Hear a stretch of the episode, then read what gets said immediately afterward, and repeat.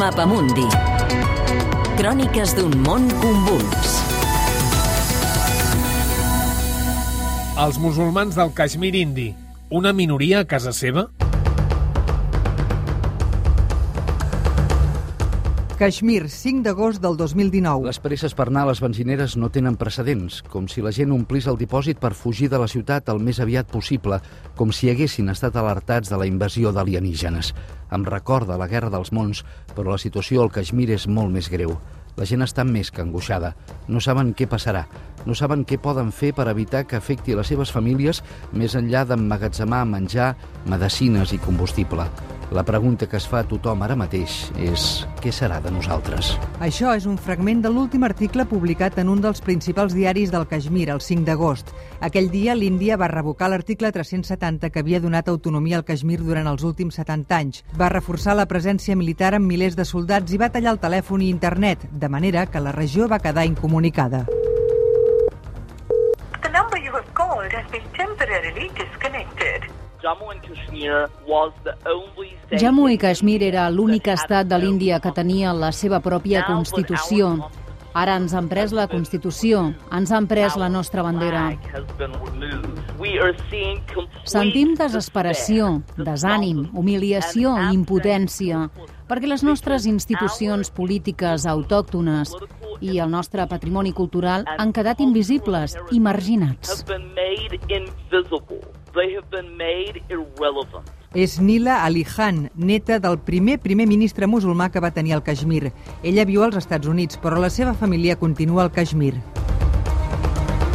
Durant el mes d'agost, l'Índia va detenir 4.000 persones, entre ells el cap del govern autònom del Caixmir, 400 líders polítics i funcionaris, advocats, activistes i periodistes. Segons un llistat fet públic per la mateixa policia, s'han detingut 144 nens, alguns de fins a 9 anys. La majoria van quedar en llibertat l'endemà de la detenció.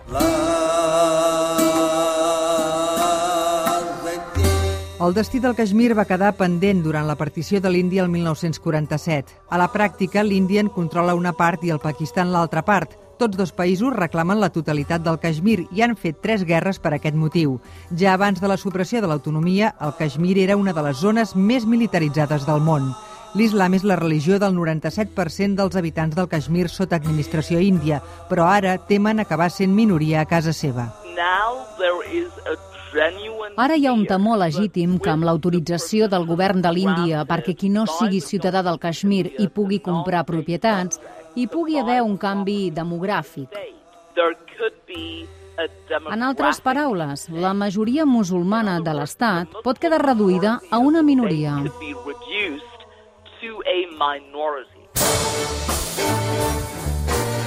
Jammu कश्मीर और लद्दाख का विकास उस गति से नहीं हो पाया És Narendra Modi, primer ministre indi i líder del Partit Nacionalista Hindú. Justifica la supressió de l'autonomia perquè diu que portarà pau i prosperitat.